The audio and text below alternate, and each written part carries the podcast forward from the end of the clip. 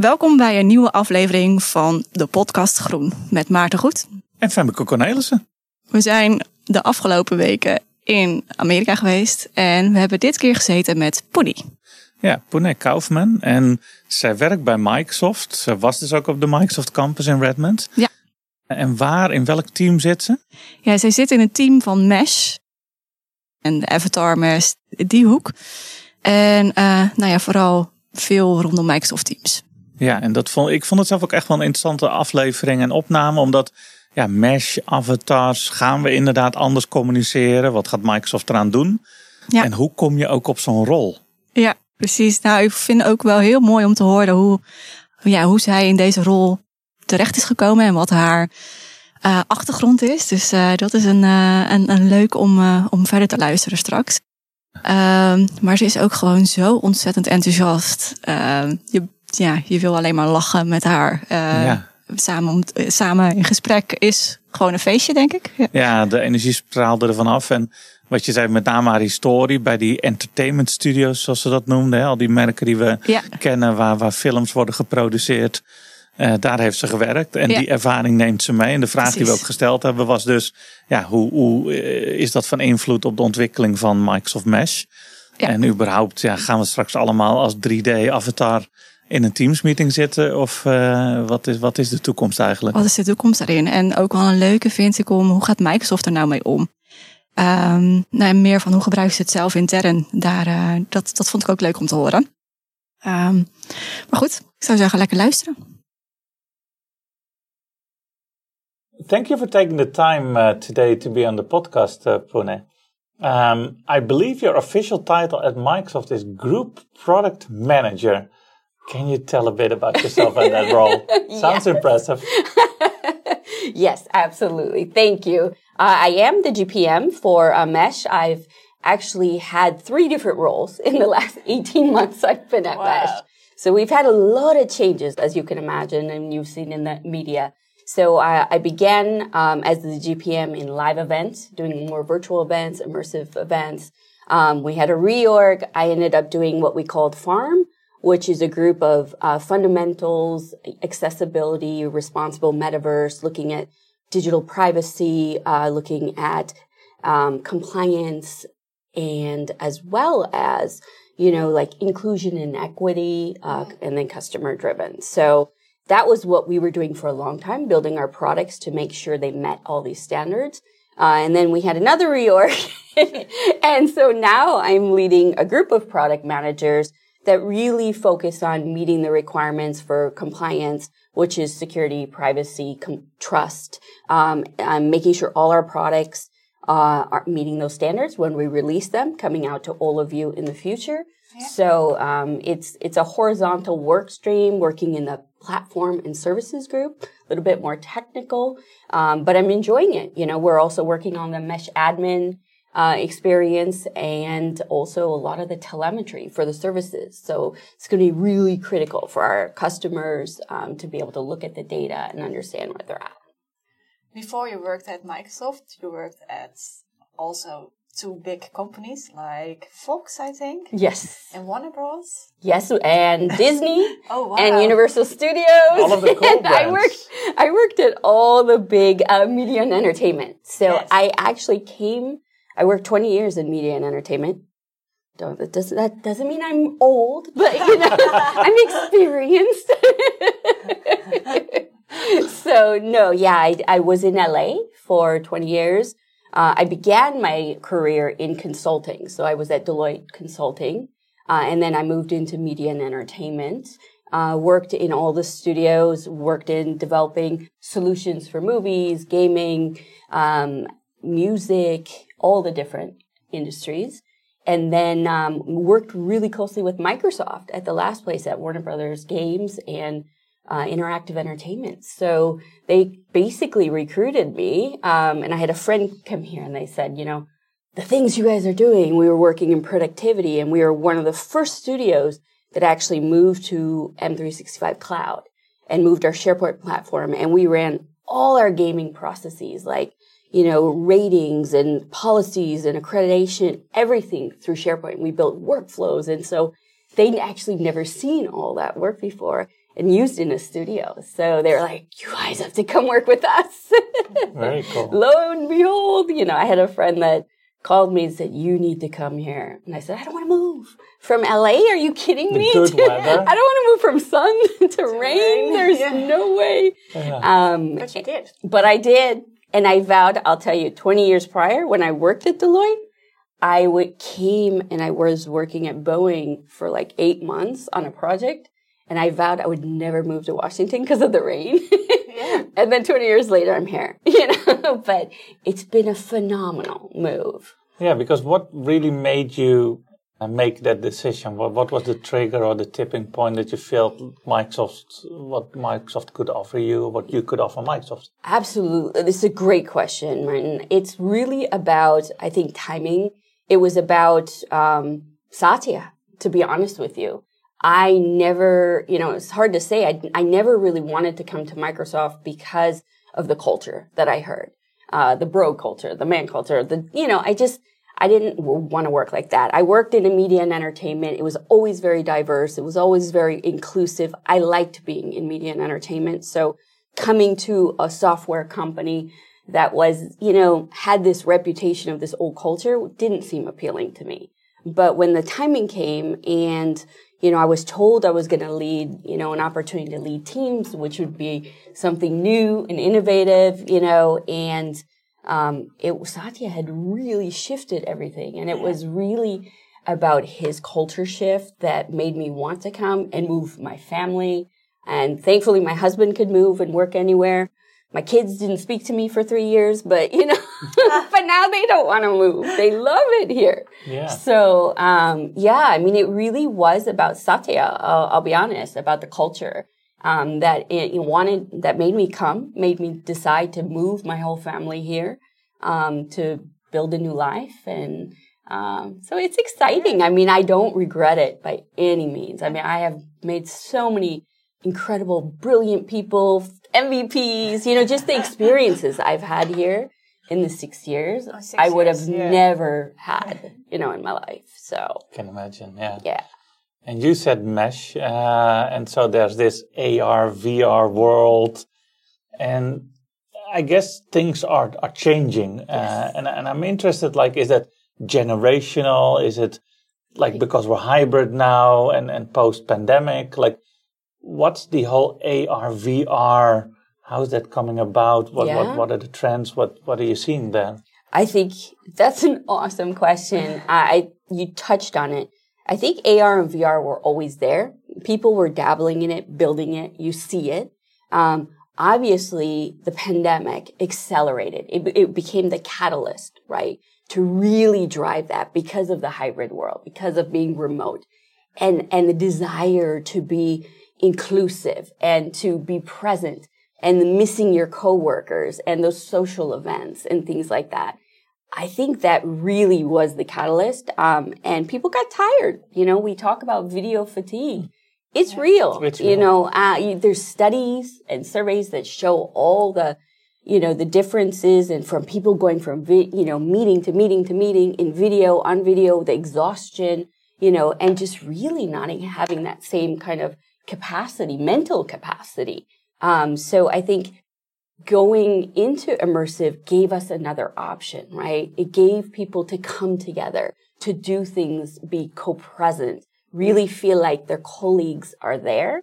Um, and enjoy that together, right? Those celebrations, those hugs, those high fives, you could start to feel that and then having your avatars obviously really was a game changer for us. I mean for me it's like normally fridays i'm you know hot. I don't have my sweatshirt i'm not showered. But you know we call it friday you know avatar days because we just we don't want to put our oh, cameras oh, really? on. Yeah and so everybody just has a special avatar. And we we actually did a big competition here at microsoft for like avatar me and you know who could have the most creative avatar. And you know, submit your avatars and who can do the funnest memes so that people can just get excited, right? And at first I think it's awkward, but, um, you know, later as you get used to it and you start to feel it and as the technology advances and it looks more like you or it feels more like you, your interactions, I think it's going to be more powerful. And, you know, when you think about the trends, right? Like obviously hybrid work, if you think about enterprise, it's a game changer for enterprise remote, having digital twins. But think about the consumer world. I came from media and entertainment.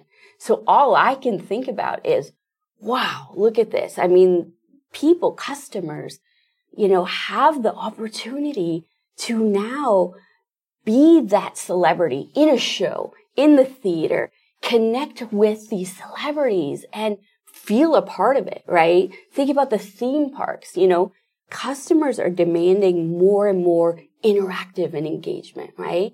So when I go to Disney, you know, I want to be a part of this. I want to go not just go in a boat. I want to experience, you know, Star Wars coming at me. I want to touch everything. I want to really, you know, you feel it, right?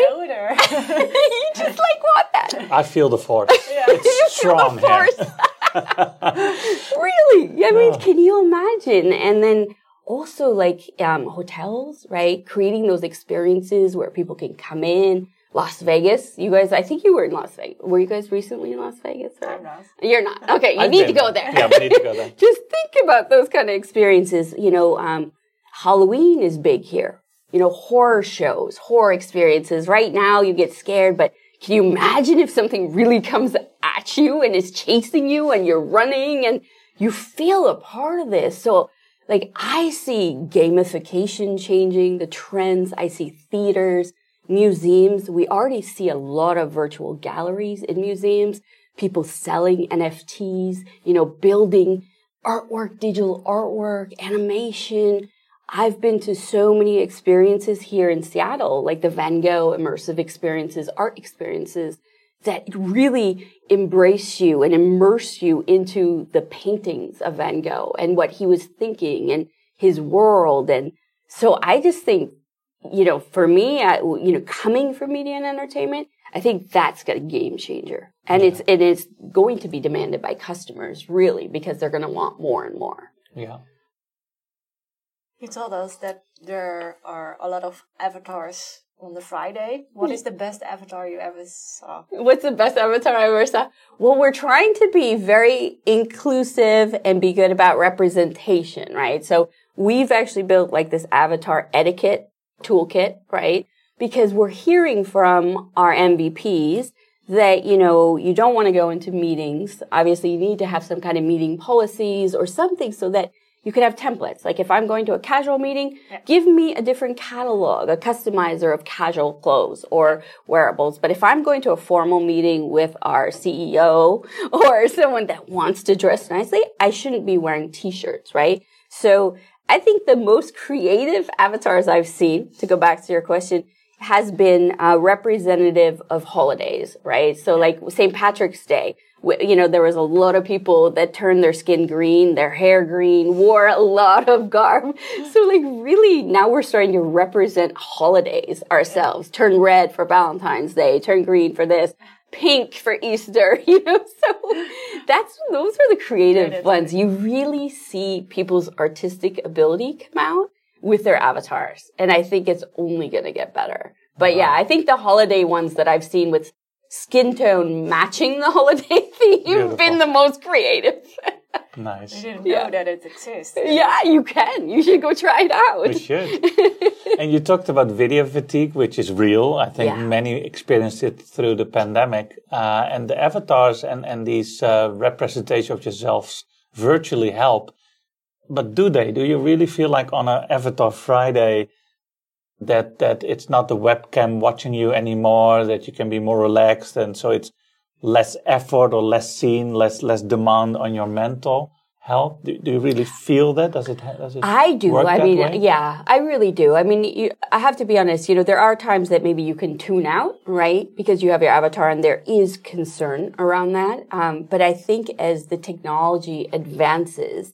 Uh, you will see more of emotes and emotions coming from the video and facial and gestures and features coming from just motion of the actual person behind the camera, but not to a point where you're always worried, right? It's, this has to be a fine balance coming up. But I really do feel that way because I know that on Fridays I don't have to worry about makeup or hair or mm-hmm. and and I don't have to be and I can just use that as my excuse and still do my thumbs up and high fives with everyone. So I I have felt a relief from it. Um, and, and do you also see that people then, if somebody's using an avatar, that that everybody's switching, or will that will it be more like a blend where everybody's get to choose? Uh, and and the second part of the question is it culturally defined? Because same with webcams, yeah. some will have them off, some have on. Like what's exactly. the what's the setting there? Yeah, I mean, uh, excellent, both great questions. Um, I think the one you said around um, just having them on and off, like is it going to be a hybrid? I do feel it's hybrid. I feel that some people, based on their location and remote, you know, with hybrid work, um, we do have the choice, right? So there may be times that they don't want to use their avatars, right? They may be in locations, maybe networks poor, maybe they don't have network, and they're calling in. Uh, so there may be this combination of uh, avatars and you know photos, your video photos. But you do see when people start switching to avatars, it does kind of trigger something because what we've noticed is when we all start with our avatars, more and more people joining will switch to their avatars. Um, so we have noticed that, and I think it would be great to actually, you know, do a survey and just monitor that data to see um, how how that engagement and retention stays if you're really looking for something like that. But um, yeah, we we we intentionally do a lot of um, driving a lot of adoption to get people to use it so they feel comfortable with it. Because I think at first it is, you know, a little awkward for some culturally. Yeah. yeah, we hear that. We hear that. And so it's important, you know, when we went through a lot of our compliance work, you know, thinking about global readiness, right? what does it mean? Some of these, you know, attire in these countries, like, is it okay? And these hats, you know, these gestures, like, all of this has to go through our global readiness to make sure that we're meeting, we're not insulting anyone, mm-hmm. any cultural behaviors, so that people, when it's released to the public, um, everyone can use them. Mm-hmm. So it becomes a really key thing. But I do feel there will be a shift. You know, right now there's still hesitation, but I think more and more usage will help people. And as long as we put in etiquettes, bring toolkits so people start to feel comfortable with them, that they're not going to represent someone else. I know our legal. Like they're like, we can't have anyone represent Satya, you know. We're like, no, nobody would dare do that, you know. But you, those are the discussions you need to have. This is new technology, right? Yeah. And you don't think about it, but it is the way I can come in and represent myself any way I want. I, mean, I may see myself a different color. I may see myself, but maybe on the outside, others see me as something. So how does that transfer to my digital me? right? And how does that transfer to what people see me as? So this is going to be, I think, a big topic when we're going to start looking more and more into, you know, inclusion and equity and all the customizer, the wearables. And I think a lot of HR and legal folks are going to start to come together and build new digital policies around this. Yeah. You're working on a lot of new products. Yeah new futures how is that that someone something is out there in in the world so you worked on it and it's new and it's ready for launching or something like that yeah. it's ready how is that feeling oh my gosh it's it's so exciting and and i have to tell you it's it's almost as exciting as you know when we released teams right so i think teams six years ago right no one knew about teams and when we were the first at microsoft to roll it out and decommission Skype. And our team was so excited. And I, I need to find you the picture. If you saw our faces the day we announced, like we're all like, yeah. We have some drinks. Drinks. Like we were just looked like rock We were so happy because we've been working so hard, right? But this is the same for Mesh because it's a V1 product, right? And it's something that it's not replacing anything else, which is different. So you have to look at product fit differently. You have to find the right use cases. And while we know that, you know, this uh, post pandemic, you know, this ep- endemic, I should say, is changed, you know, everything in the enterprise and work, but like, how does it really affect the way, you know, we go forward with this? It, it still hasn't forced us to, you know, use these technologies, right? We still have options. So people still have the luxury. Whereas when we did Teams, it was like, we're moving away from Skype, right? Mm-hmm. And you have to start using Teams or you have to have a migration plan. This is new technology that's bringing collaboration, cohesiveness together. So it's a little bit different. We're still learning around product fit, trying to get feedback from our customers. So it's really exciting uh, to do that and launch it. You know, it's just everyone's thrilled, uh, but there's still you know, also nerves, a lot of nerves. What if people don't like the product, right? What if they, you know, and so it's, um, and it's changing as we're developing it, right? Like think about just the last month of AI in the last two months of AI, right? AI is going to change immersive experiences. It's going to dramatically improve accessibility, accelerate these types of things. So it's exciting, right? Like as we're mm-hmm. building and going, there's still new technology coming and we're, we're having to adapt quickly and shift and then, but still deliver on time. So it's a little stressful, but it's exciting. Time you're learning and, uh, and yes. learning from what's coming. And so this is all in the context of meetings, uh, one-on-ones yeah. or with bigger groups or, and would you also see this will be transformational for like events or communities? Oh, absolutely. Absolutely. I think we saw with, you know, Altspace. Uh, I was responsible for Altspace for a period of time. And uh, we saw how that changed the community. And then when we sunset Altspace, you know, there was, you know, sadness, obviously, in the community because people had built their businesses on Altspace and bringing people together. Um, we believe, like, strongly the live events is going to be a differentiator, right? Think about all hands meetings, right? Like we have town halls with Satya and all these other leaders. Um, you know, now you have the opportunity to holoport people in different locations and um, think about concerts, right? Bringing in people into concerts. People are going to virtual concerts right now, but making those experiences even better through live events um, with with the capabilities coming. So it really is going to change. I mean, even think about product showcases, right? You have big, you know, companies, uh, athletic companies that have their athletes that want to showcase, you know, tennis shoes or this. Now there's opportunities for fans to meet with them, right? And be in these virtual worlds and be the first to buy these tennis shoes, whether it's digital and then it turns to physical or something. So I think it really is a game changer for. But it does mean that you need to have more than just the avatar. Yes. That means you you need worlds. Yes. You need to think about how to, to do that. I've also firsthand experienced Altspace in the past, and it's also about audio. Like somebody who's far away yes. sounds far away, and so there's very much more dimensions need to figure out. Is that something that that Microsoft's actively like thinking about on how to do this right? Oh, absolutely, absolutely. They have the best of the best working on this right now. So um, it, you will see as Mesh Mesh is released more and more to our customers oh, and announcements are made. I'm so excited. Um, it's gonna be it's gonna be amazing. I think you will all be impressed, and you know our goal is to make our customers happy and safe. Uh, make sure that they're in environments and really you know, be in the trusted environments that they know Microsoft to be. So that's critical for us.